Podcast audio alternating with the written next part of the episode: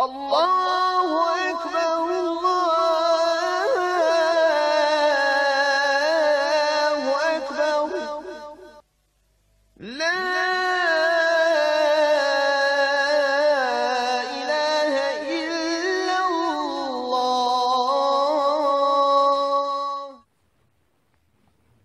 Bismillah, salatu wassalamu ala rasulillahi, sallallahu alaihi wasallam. Mi smo prošli puta, braćo, govorili, o čemu smo govorili prošli put? Ko je bio? O čemu smo govorili? Govorili smo o tefsiru. I rekli smo da ćemo danas donijeti određene knjige da malo to vidite kako to izgleda u stvari.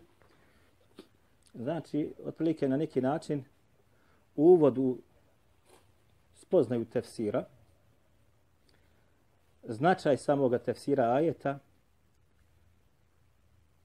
ona opasnost po pitanju tefsirenja Allahove Đelešanu u knjige i na kraju krajeva i nagrada za onoga koji to bude između ostaloga ispravno shvatio. Da bi sad ovo prikazali malo bolje, vama neophodno da se malo vratimo na onaj govor koji je bio u prošlom našem druženju. Pa ćemo uzeti samo najbitnije crte i nastavit ćemo sa onim o čemu smo već prošli puta nagovijestili da ćemo govoriti, a to su dijela koja su znači vezana za tefsirsku znanost. I ovo sad što vidite samo jedan dio toga, sržni dio što bih ja rekao. Rekli smo između ostalo, ako se sjećate da je Sujuti zabilježi između ostaloga u svom delu El Itqan. El Itqan evo ga ovdje. Malo ćemo kasnije o njemu govoriti. Da je Mujahid ibn Džeber, Mujahid ibn Džeber, rekli smo prošli puta da je bio šta? Mufessir, čuveni mufessir, učenik ibn Abbasa po pitanju Kur'ana, nije bilo nekoga koji njemu ravan u njegovom vremenu. Vremenu tabi'ina. Da je rekao između ostaloga Mujahid, لا يحل لأحد يؤمن بالله واليوم الآخر أن يتكلم في كتاب الله إذا لم يكن عالما بلغات العرب Nije, kaže, nikome dozvoljeno da govori o tumačenju i značenju ajeta iz Allahove knjige ukoliko ne bude znao jezike Arapa. Ne samo jezik, arapski jezik, nego jezike Arapa. Zašto? Zato što Kur'an je jednostavno obuhvatio sve ono što je u onom vremenu objave silazilo po pitanju načina govora koji su bili koji je bio prisutan kod Arapa svi, ne samo jedne grupe ili jednog plemena ili jednog naroda. Zato ćete naći mnogo riječi u Kur'anu koji nisu kurešije znale. Zašto? Zato što su došli na drugome narječju koji je opet između ostaloga dio arapskog jezika. Imam imamo sujut između ostaloga govori u itkanu o riječima koji su prisutne u, arapsku, u Kur'anu, a nisu dio arapskog jezika. Ali kako kaže se između ostaloga, ali samom objavom postaju dio arapskog jezika. Između ostaloga, shodno govorima islamskih učenjaka po ovoj tema, u ovoj tematici. Dakle, nije nikome dozvoljeno da govori išta o Allahove Đelešanu knjigu, tumačenju Allahove knjige. Allahovog govora bez poznaje arapskog jezika ili jezika Arapa.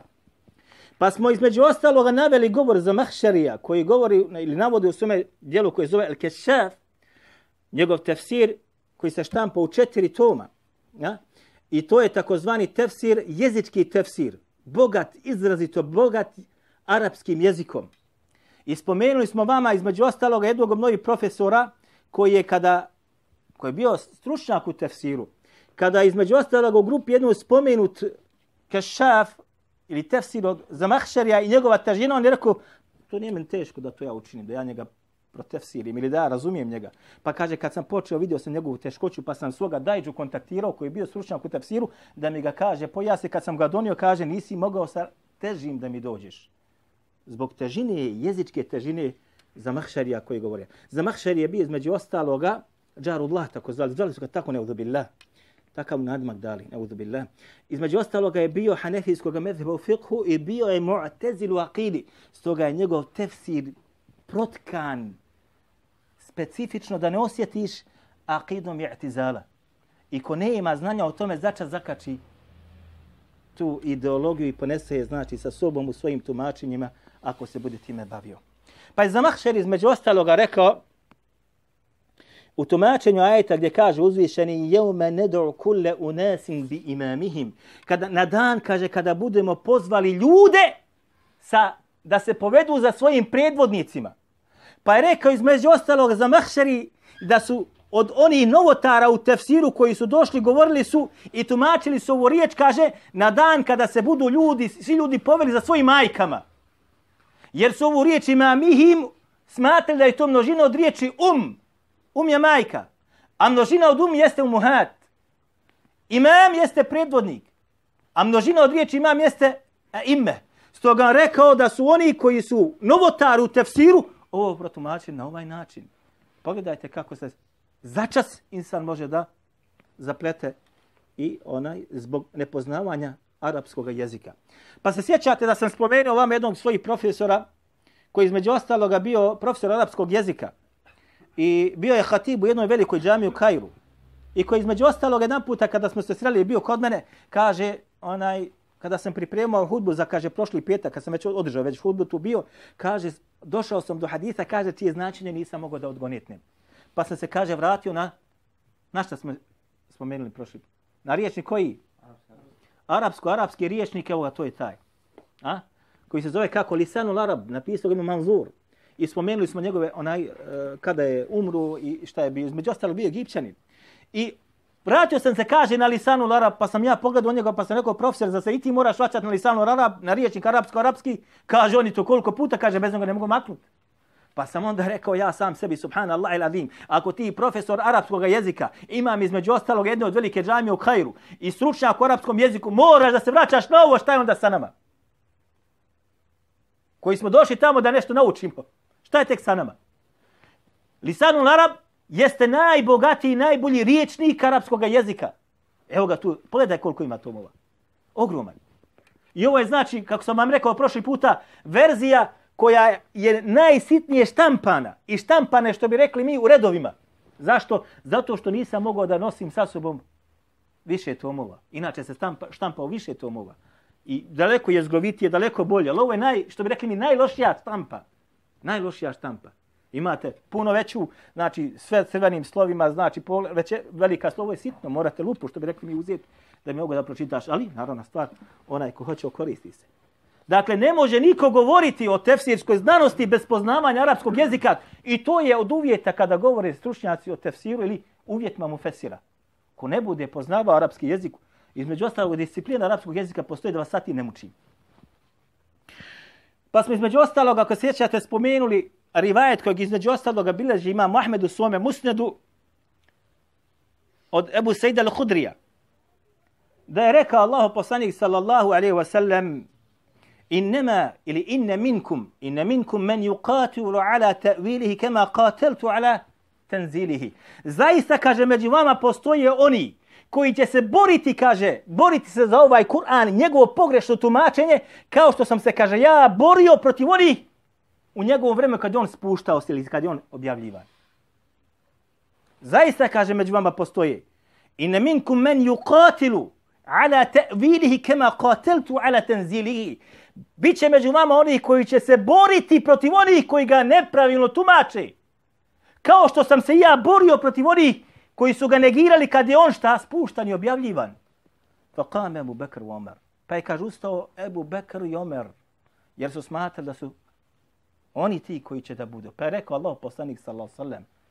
La walakinnehu ili lakinnehu khasifu ne'ali. Ne kaže. To je onaj kaže koji krpi kaže na nulu.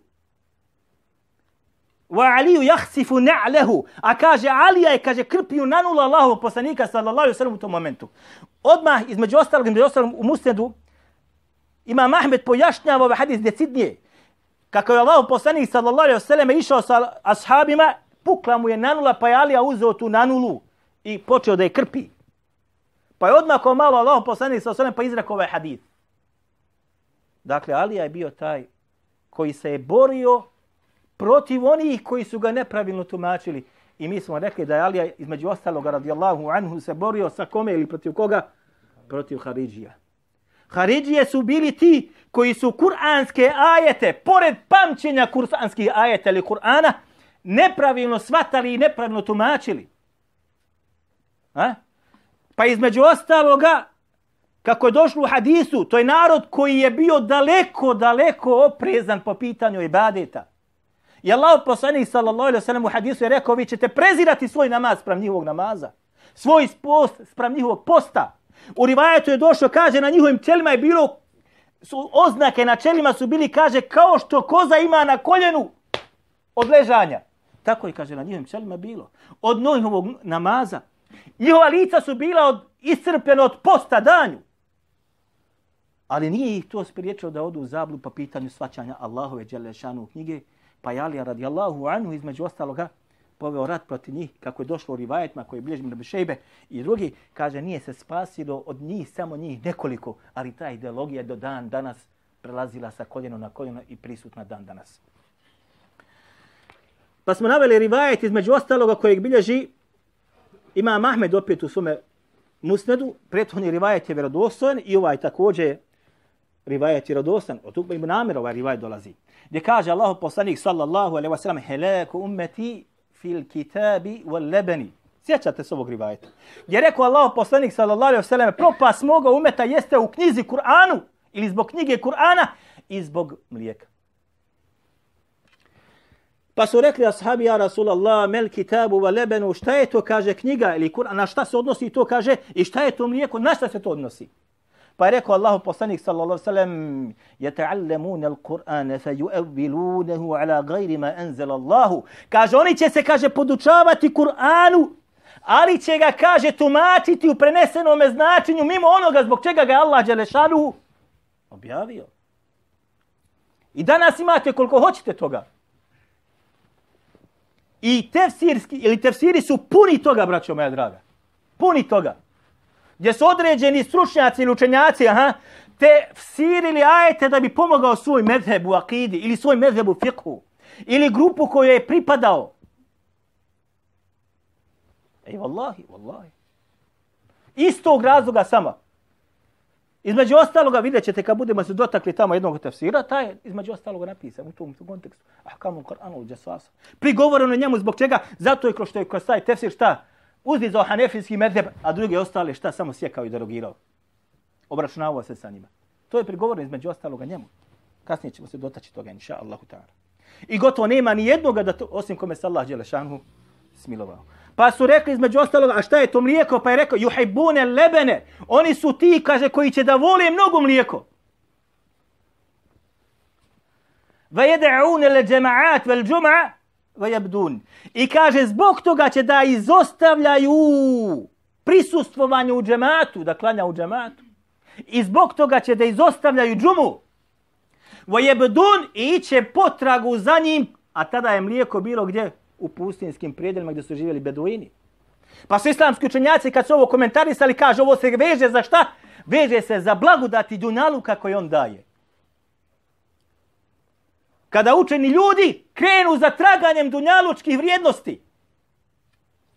Vjerujte mi, subhanahu, subhanallah il azim, kada sam između ostalog išitavao biografiju,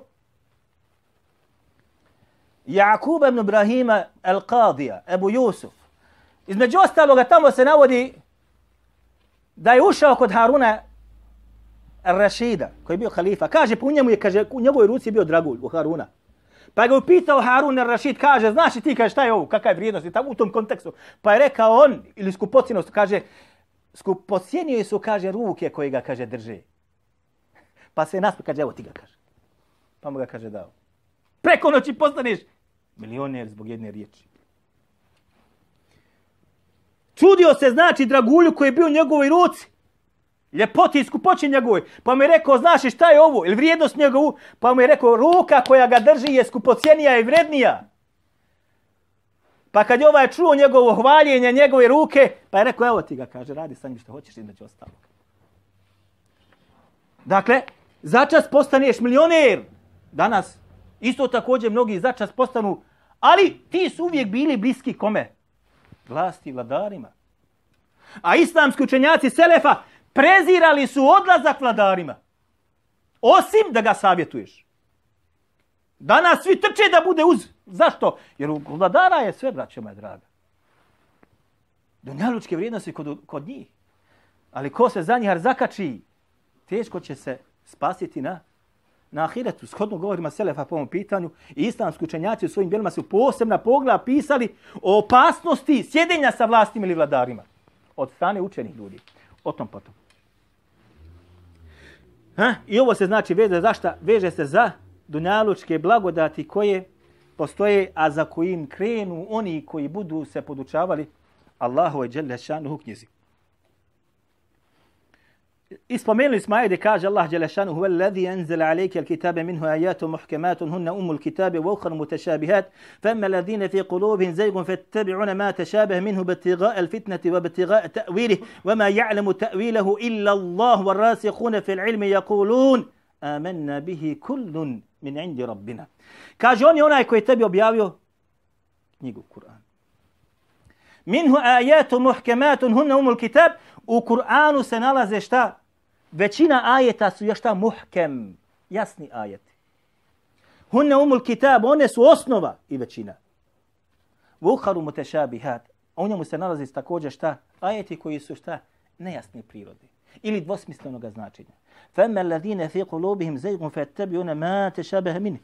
A oni u čijim se srcima nalazi šta? Što bi rekli mi prevladava kod njih stran putica teže ka tome. Šta slijede? Slijede ajete koji su jasni ili slijede ajete koji su dvosmisleni, nejasni? Prirodnost njihova je šta? Da slijede samo gdje su šubhe. I zašto? Zato kaže da bi napravili fitnu ili smutnju i da bi, znači, kuranske ajete namjerno neispravno tumačili. Zbog određenih razloga.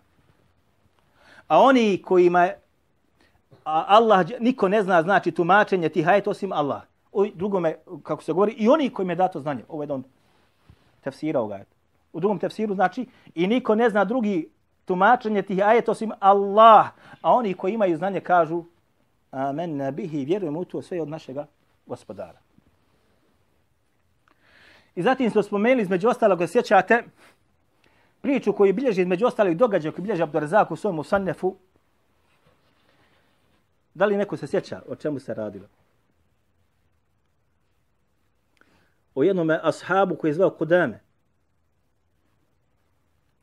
Kudame ibn Madu'un, učesnik Bedra je bio. Kojeg je Omer radijallahu anhu postao da bude namjesnik Bahreina. To bilježi Abdurazak sa virosim lance prenosilaca.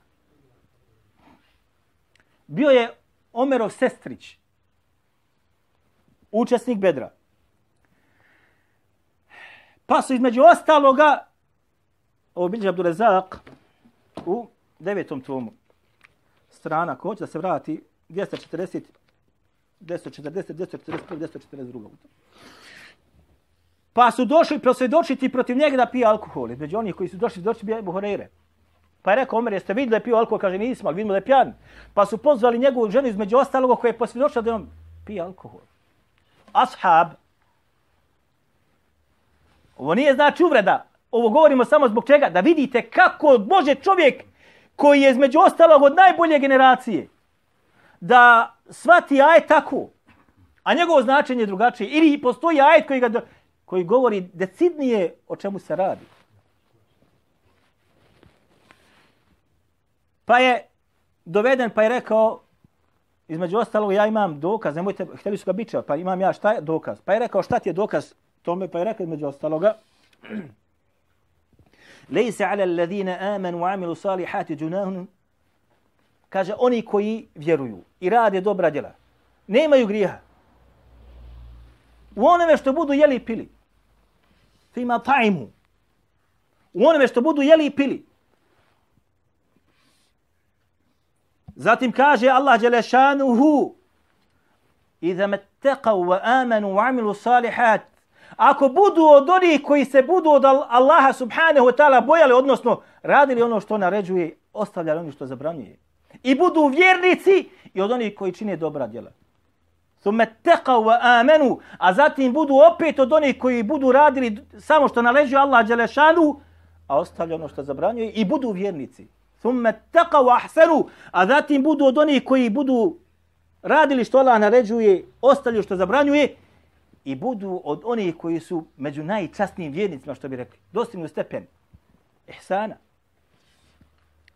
Wallahu yuhibbul muhsinin, a Allah voli one muhsin, oni koji su na tome stepenu. Pa je on smatrao da u tome nema smetnje.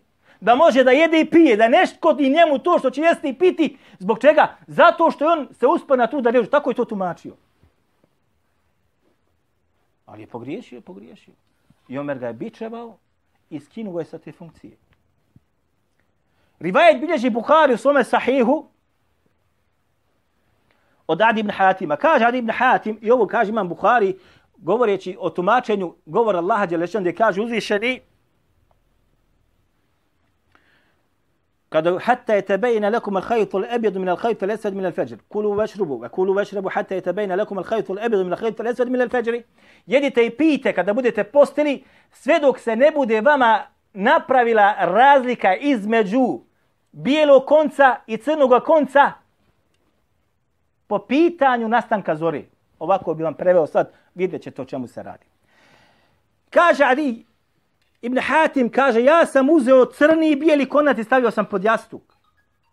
Ashab. Pa sam, kaže, svako toliko malo gledao, dok ne vidim razliku između bijelog i crnog konca. Pa sam ujutro otišao Allahom poslaniku sallallahu alaihi wasallam. Pa je rekao Allahom poslanik sallallahu alaihi wasallam, nije to zbog toga, nije ciljano to tako, nego kaže to se odnosi na šta? Na savadu lejli ve bajadu feđri. Kaže to se odnosi na tamninu noći i bjelinu, kaže zore. Ovdje sad imate odmah meselu. Nastanak zore jeste kada se pojavi na istoku bejab, bjelina. A ne kada se pojavi rumenilo, kako neki kažu, ili crvenilo. Jok, to je već prošlo vakat. Bejad, kada se počne da pojavi na istoku bjelina, to je nastanak zore. Izmad, ispod ovog haditha dolazi nam drugi rivajet koji ovo malo bolje pojašnjava o čemu se radilo. Je kaže jedan od sahaba, kaže kada je objavljeno hatta je tebejne nekumul hajtul ebjedu min al hajtul esvedi. Volem jenzil min al feđri. Kaže kad je objavljen ajet, jedite i pijte, sve dok se ne bude, kaže, dok ne budete razlikovali bijeli konac od crnog konca. A nije, kaže, objavljeno od zore. Jeste me razumijeli? Još nije objavljeno od zore, samo ovaj dio prije. Pa kaže, neko od nas ili ashabi znali zavezati za nogu crni bijeli konac za nogu, a sveže i kaže, jeo bi i pio čitao dok ne, god ne bi spoznao razliku. Pa je kaže, objavljeno min el feđri dok ne bude zora nastala. Pa su onda shvatili o čemu se radi. Zašto ovo navodimo? Ovo samo iz razloga, braćo, da vidite kako čovjek, iako poznaje arapski jezik, iako poznaje Allahu Đelešanu vjeru, može začas da pogrešno shvati da učini ono što nije Allah subhanahu wa ta'ala na nije, ona, objavio taj taj ajet, kao se kaže, muradu ma'na laje. Sada ću vam na brzinu između ostaloga samo da pokažem šta je neophodno da čovjek poznaje da bi mogao da govori o Allahu ve Đelešanu u knjizi. Pa ćete naći mnoge koji su svoje jezike već ispružili po pitanju govora Allahu Đelešanu u knjizi, a nisu imali ovih osobina kod sebe. Prva stvar, neophodno znaš da poznaješ šta? Arapski jezik. Lisanul Arab. Između ostaloga, donio sam jedno dijelo, zove se El Mufredat fi garib il Kur'an, od Ragiba Sahanija. Ovo dijelo govori samo, i ovo je opet štampa, vidite kako je u onaj tabelarnom smislu, štampa se u dva toma, ovo je kod mene u jednom tomu. Gdje je on sve nepoznate riječi kuranske ovde šta pojasnio. Sve ono što je nepoznato prosječnom Arapu, šta znači određena riječ, on je ovde pojasnio. I ovo je neophodno da čovjek posjeduje kod sebe i da zove uči. Da vam kažem još nešto između ostaloga, braću. Ja znam ne Arape koji su riječnike arapske pamtili na pamet. Ne Arap. Ne Arap. Jeste ako mi Allah Đelešanu. Riječnik arapsko-arapskog jezika na pamet zapamti i ponavlja ga svako toliko vremena. Jedan od je jeste kod kojeg, kojeg sam, kod kojeg sam ja učio. Je bio iz Tadžikistana. Znao je kutubu sita na, uh, tisa na pamet. Devet hadijskih zbirki na pamet je znao. Ej, deset kirajeta imao. I njegova noć je svaka bila bez spavanja. Ja ga znam dobro. Noć, nikad noću nije spavao. Dođem u dva, dođem u jedan, dođem u tri, nećeš ga nazad spava. Posle sabaha spava do 11 sati, 12 sati, odisto. A znao bi svako 3-4 mjeseca, 3 dana spava, samo ode na namaz i vrati se. Kaže men muhi, kaže, jedan put sam došao kad je trebao da putuje u Tadžikistan. Pa došla sam po selam kad nađu ga bez brade. Nisam ga mogao prepoznati. Obrio bradu. Pa on kaže meni ovako, kad bi se, kaže, vratio sa bradom u Tadžikistan, ja bi, kaže, bio već pod zemljom. Moj, kaže, učitelj mene je doveo do aerodrom, do aviona i rekao mi ovako, slušajte, ako mi se budeš, kaže, vratio ko vehabija, ja ću te, kaže, prijaviti. Ja ću te, kaže, dati duman. Kod kojeg uči u Tadžikistanu.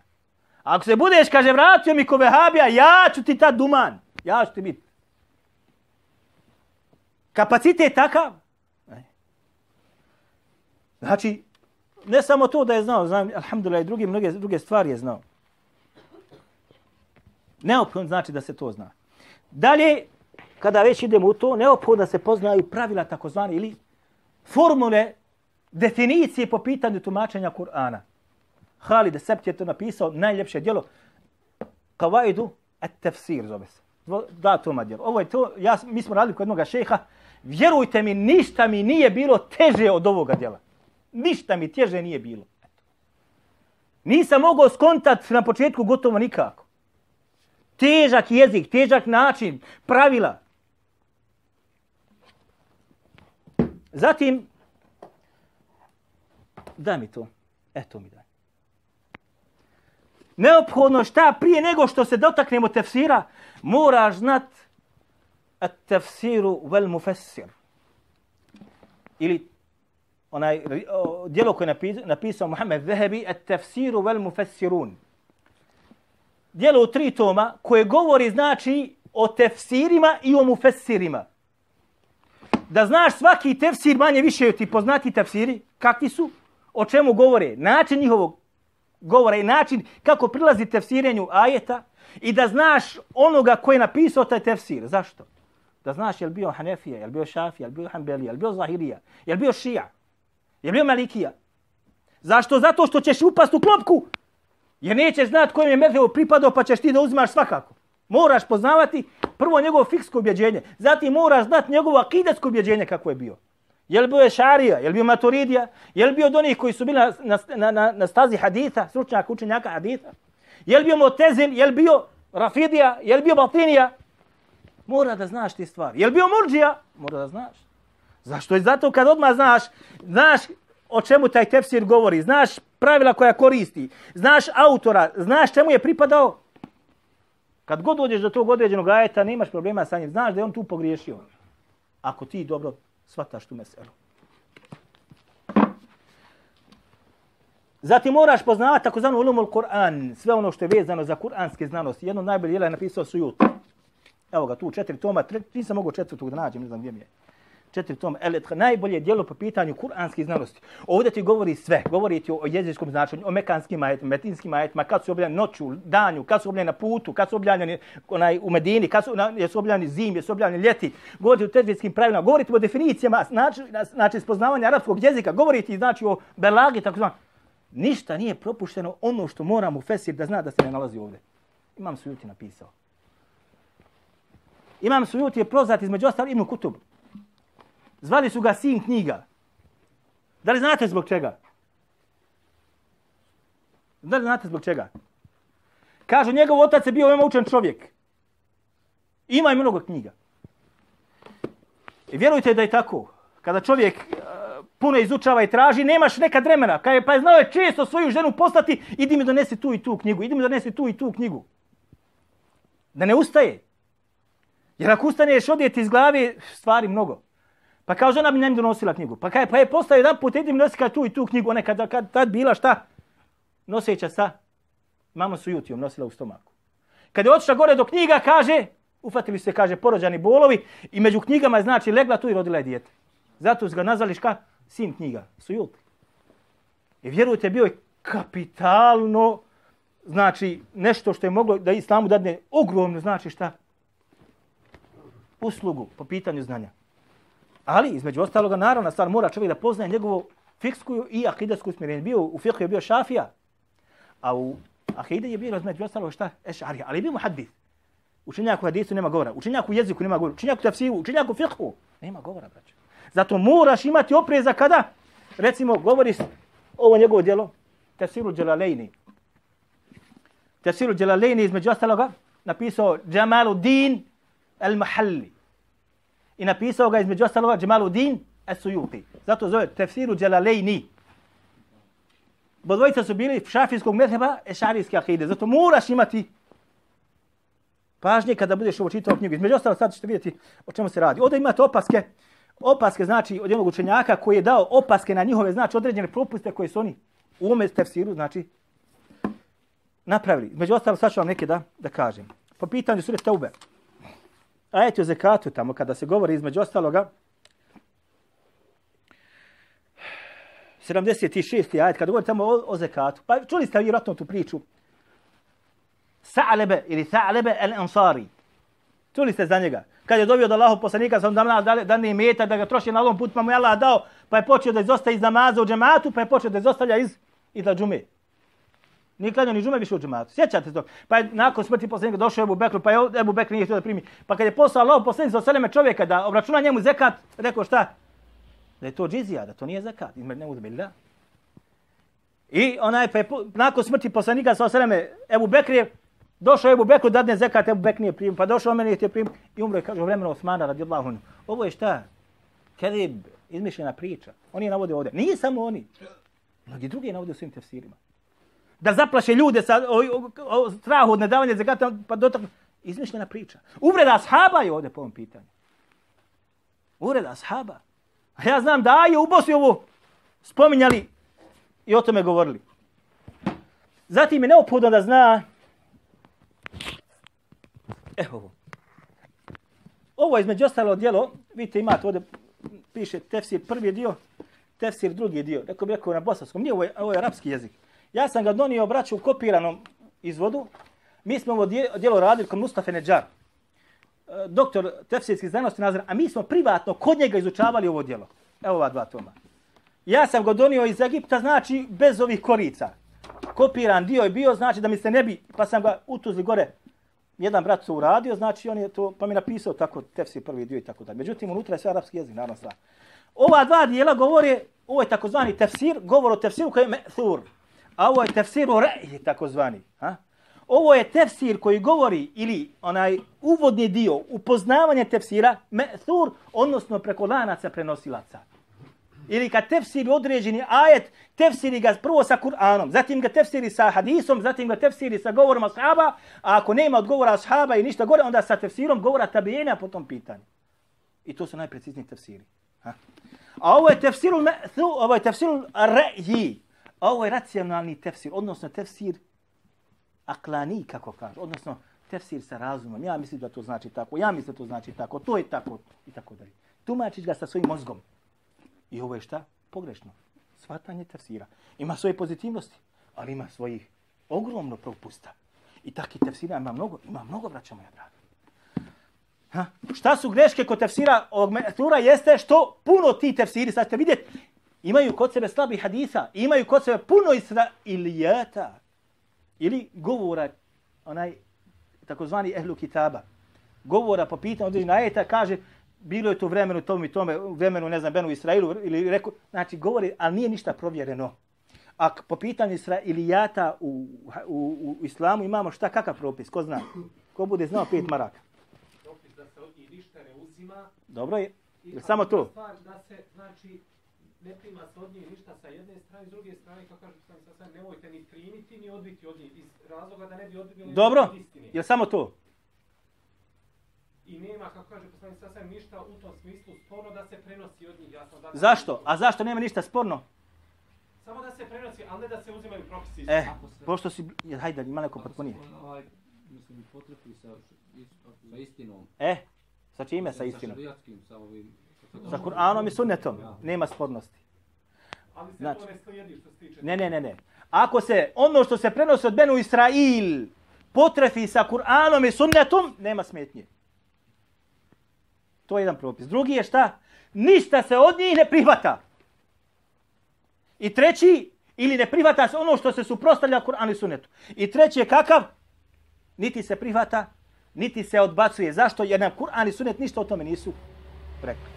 Ali jedo, pošto ti se ovako... Evo ti onda ovo. Evo ti ovo bismo. Ej, subhanallah, ila dim. Nek nisi došao. Je u redu? Dobro. E, imate sada prije nego što krenemo na ove tefsire, imate, evo ako ćemo krenuti, evo sa ovim.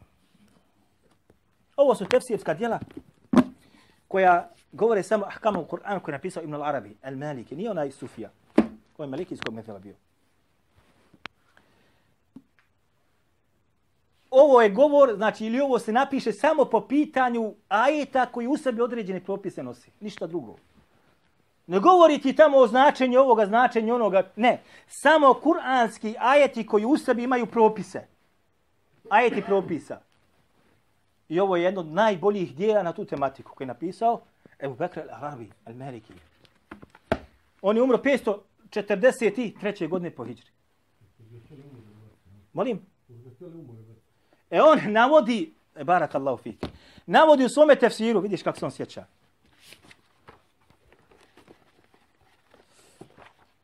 Se to. Kada mi je došao Tortuši, posjetu njemu, to je suretu, evo, 1212. stranica, Inšiqaq, suretu Inšiqaq.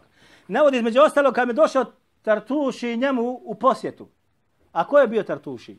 Sjećac, govorio sam vam. Čuveni učenjak Malikijskog medheba je bio i napisao je jedno od najboljih dijela po pitanju bidata i novotarije. Kitabul Bidej wal Havadith. I kad mi je došao on njemu u posjet, bio njegov učitelj, došao mu posjet između ostaloga, pa se otišao u džamiju, pa je Tortuši ušao prije njega, pa je dizao ruke u namazu. A tu su bili Malikije. Pa ako su ga vidjeli, kaže da diže ruku na mazu, onaj, rekli su da ga ubiju, kaže došao iz Stočnjaka kod nas da ga ubiju. Pa je on ustao, stanite ljudi, nemojte ubiti, pa kaže, rivajot od ima Malika, ima isto također da je dizao ruku na mazu. Eto, ko mi dođe sa govorom Malikija po pitanju dizanja ruku na mazu, deset maraka dobija. Ti to mi se da mi obradi. Možda ima nešto na bosanskom jeziku. Pogledajte, braćo moja draga, sad, kad smo već kod toga. Malikijski medheb. I, I zadnji govor Jer je samo došao jedan rivajet preko toga koji negira to. Malikijski medheb, šapijski, hanbelijski, zahirijski i medheb Ibn Manzur, Ibn Munzira. Munziri. Pet jako zvani medheba, mimo hanefijskog medheba, svi govori o tome da se ruke dižu u namazu. Dakle, malikijski, šafijski, hanbelijski, zahirijski i sjećate se kad smo govorili o kome? Ibn Munzir. Sjećate se? kad sam donosio njegovo djelo, gdje je između ostalog imao svoj posebni medheb, neovisni islamski učenjak, kako kaže Zehebi u, svom, u Sijeru, govore s čem, kaže, lem yuqali dehada, niko, kaže, on slijedio nije. Svoj medheb čovjek imao. Toliko se uzdigao na te stepene. Napisao djelo iđma, sastavio, znači, sve ono na čemu se islamski učenjaci ujedinili. Ogromno jedno fiksko djelo napisao koji nema premca po tom pitanju, ja ga nemam. Ali ogromno. Sve na način hadijske znanosti i sa ajatima i tako dalje. Ja to, to djelo nemam. Šta da mogu vam donijeti da vidite čemu se radi, onaj, da, da malo pojasnim, ali ogromno je djelo na tu tematiku. Svih pet, znači, medheba, mimo hanefijskog, svi govori o tome, ovi ga. I sad ti moraš sad sve to da baciš u vodu. Zašto? Zato što moraš kao biva da slijediš svoj mezheb koji ti je neko rođenjem etiketirati. Dakle, ovo je ahkamul Kur'an. Dajte mi ovaj tamo ahkamul Kur'an za sasa. Ovo je također ahkamul Kur'an koji je napisao Abu Bakr Džesas. Hanefijski znači učenjak, umro je 370. godine po hijri. Isto ahkamul Kur'an. Abu Bakr Džesas. Vidite, tri toma ima. I bio je imam Hanefija u njegovom vremenu, živio u Bagdadu. Ali između ostaloga njemu prigovorno, kako kaže sam Muhammed Zehebi u tefsiru vel mufassirun, kaže šta? Išao je i naginjao ka i'tizalu. Mu'tazili, razumiješ? I među ostalo kaže, za njega Ibn uh, e, Zehebi u, tefsi, u, u Sjeru Alemnu Bela, kaže, rečeno je za njega da je, kaže, naginjao ka i'tizalu, a kaže, to njegove knjige i potvrđuju. Negirao između ostaloga šta? Ru'jetullahi, viđenje Allaha Đelešanu na, na sudnjem danu, između ostalog negirao je kaburski azab i tako dalje. I to, onaj, imate sada doktorsku disertaciju koju je jedan od bosanskih učenjaka, ovih, neće reći učenjaka, odbrani, on je pokušao to da malo ispre, da ispere, ispere, ne mereš isprati. Šta si ti, a šta je Zehebi? Kaže, Zehebi, njegova djela to dokazuju. Naravno, i ovo to dokazuje. Dobro. E, šta je značajno? Hanefija je bio. Hanefija. Treći tom. Kaže u trećom tomu, 546. stranica. Evo mene ovo štampa, šta Darul Fikr, Beruska štampa. Kaže među ostaloga, kad govori o pokrivanju žene, kaže on, ovo me ajetu dokazu znači, judnina alejhine min dželabi bihinne, da se kaže pokriju sa džilbabima, kaže ovo me ajetu je dokaz, da žena kaže koja je mlada mora u potpunosti naređeno kaže da su u potpunosti pokrije pa čak i svoje lice. I zatim od, govori o tome. Hanefija je bio braćo. Hanefijsko merteba ja čitao on jednog ovdje kao muhadis u Bosni kaže ovi što se pokrivaju žene s rikama, to kaže to su pagan običaj kaže prije islama, to islamu kad nema ništa i tako dalje.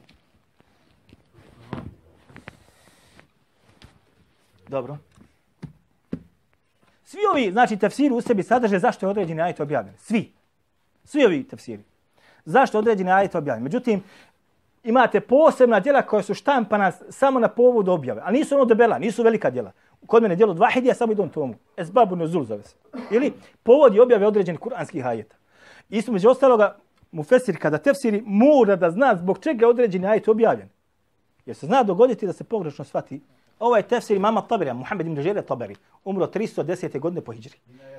Ovo je najjači tefsir. I ovo je najbolji tefsir. I ne ima mu premca. Ne ima mu premca. Onaj koji ne ima ovoga tefsira je nula. Od onih koji govore o islamu ili govore o tefsiru ajeta, ne posjeduje ovaj tefsir je nula. O ja kažem, nula. Zašto? Zato što ovaj tefsir, recimo, ovaj tefsir Ibn Kathira ovdje, vidite ovdje. Ibn Kathir u svome tefsiru navodi često, rekao je, kaže Ibn Đarira Taberi, ili navodi Ibn Đarira Taberi, da po pitanju ovog od Ibn Abasa to i to, ili po pitanju ovog od Ibn Mesuda to i to, ili rekao je lao poslanik, poslanik sa osaleme. Međutim, Ibn Kathir nema lanca prenosilaca do Allahovog poslanika, sallallahu alaihi wasallam ili do ashabi ili tabi'ina, dočim At-Tabari, braćo, ima lanac prenosilaca do Allahovog poslanika, sallallahu alaihi wasallam. Lanac prenosilaca do ashaba, lanac prenosilaca do tabi'ina. I svaki ajet je protefsirio sa lancima prenosilaca koji sežu do tih generacija. I imate, znači šta, izvorni tefsir po pitanju, po pitanju toga. Međutim, slabost ovog tefsira jeste šta? Da onaj ko želi da izučava tefsirsku znanost ovu, mora poznavati šta? Ulumul hadith. Mora poznavati hadijsku znanost. Da bi mogo da odgonije ne da li je taj rivajet vjerodostan ili nije. Zašto?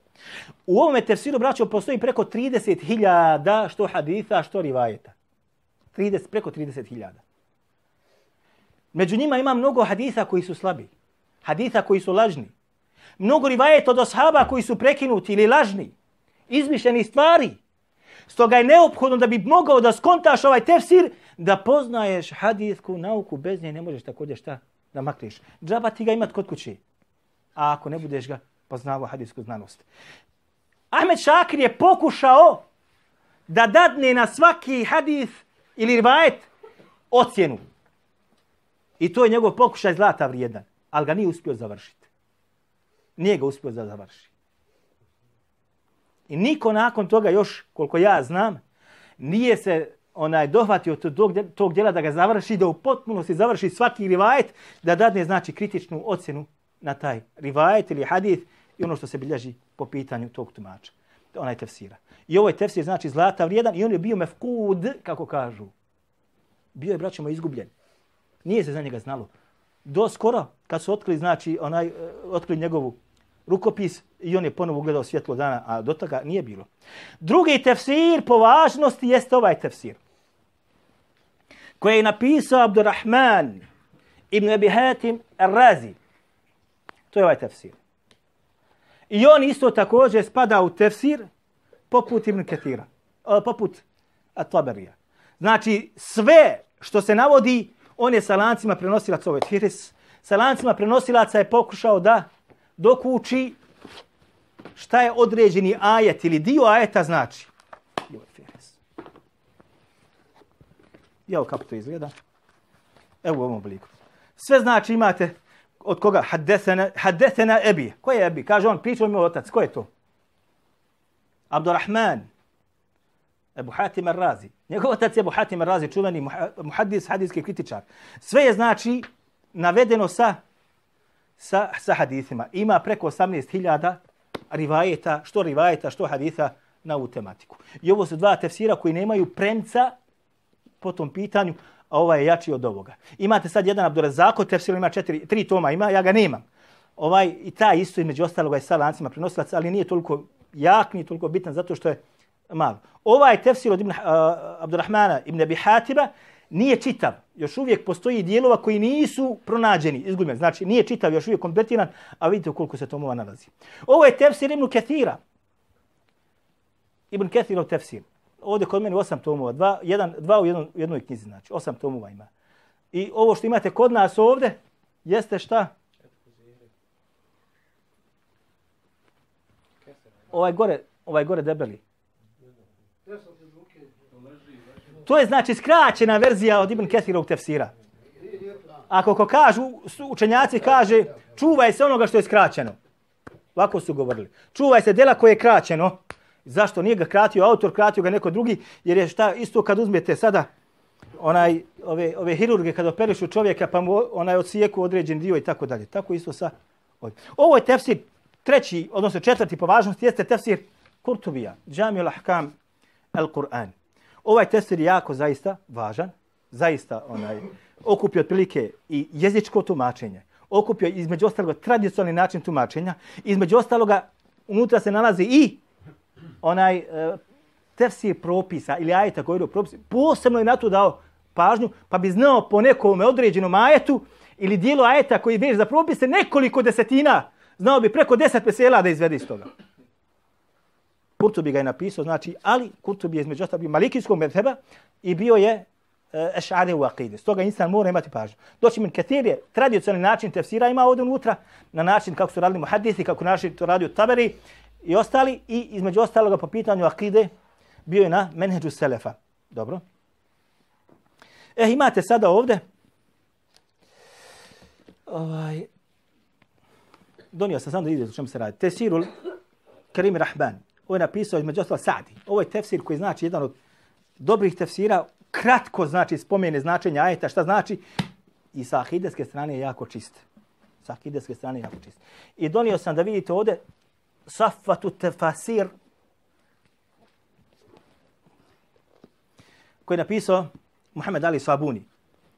U tri toma se štampa i ovo je tefsir na koga su islamski učenjaci upozorili da se ne čita. Ili prilikom čitanja moraš voditi pažnju zbog čega? Zato što između ostalog on sve ajte o sifatima, o svojstvima Allaha Đelešanuhu, šta te vilio je i pogrešno, odnosno te vil, tebilsko znači, odnosno krivo je tumačio. E, zato insan mora voditi računa i kad, kad poznaje ili kad dobije ruke ovako nešto. Toliko za večeras, ako ima neko nešto pita.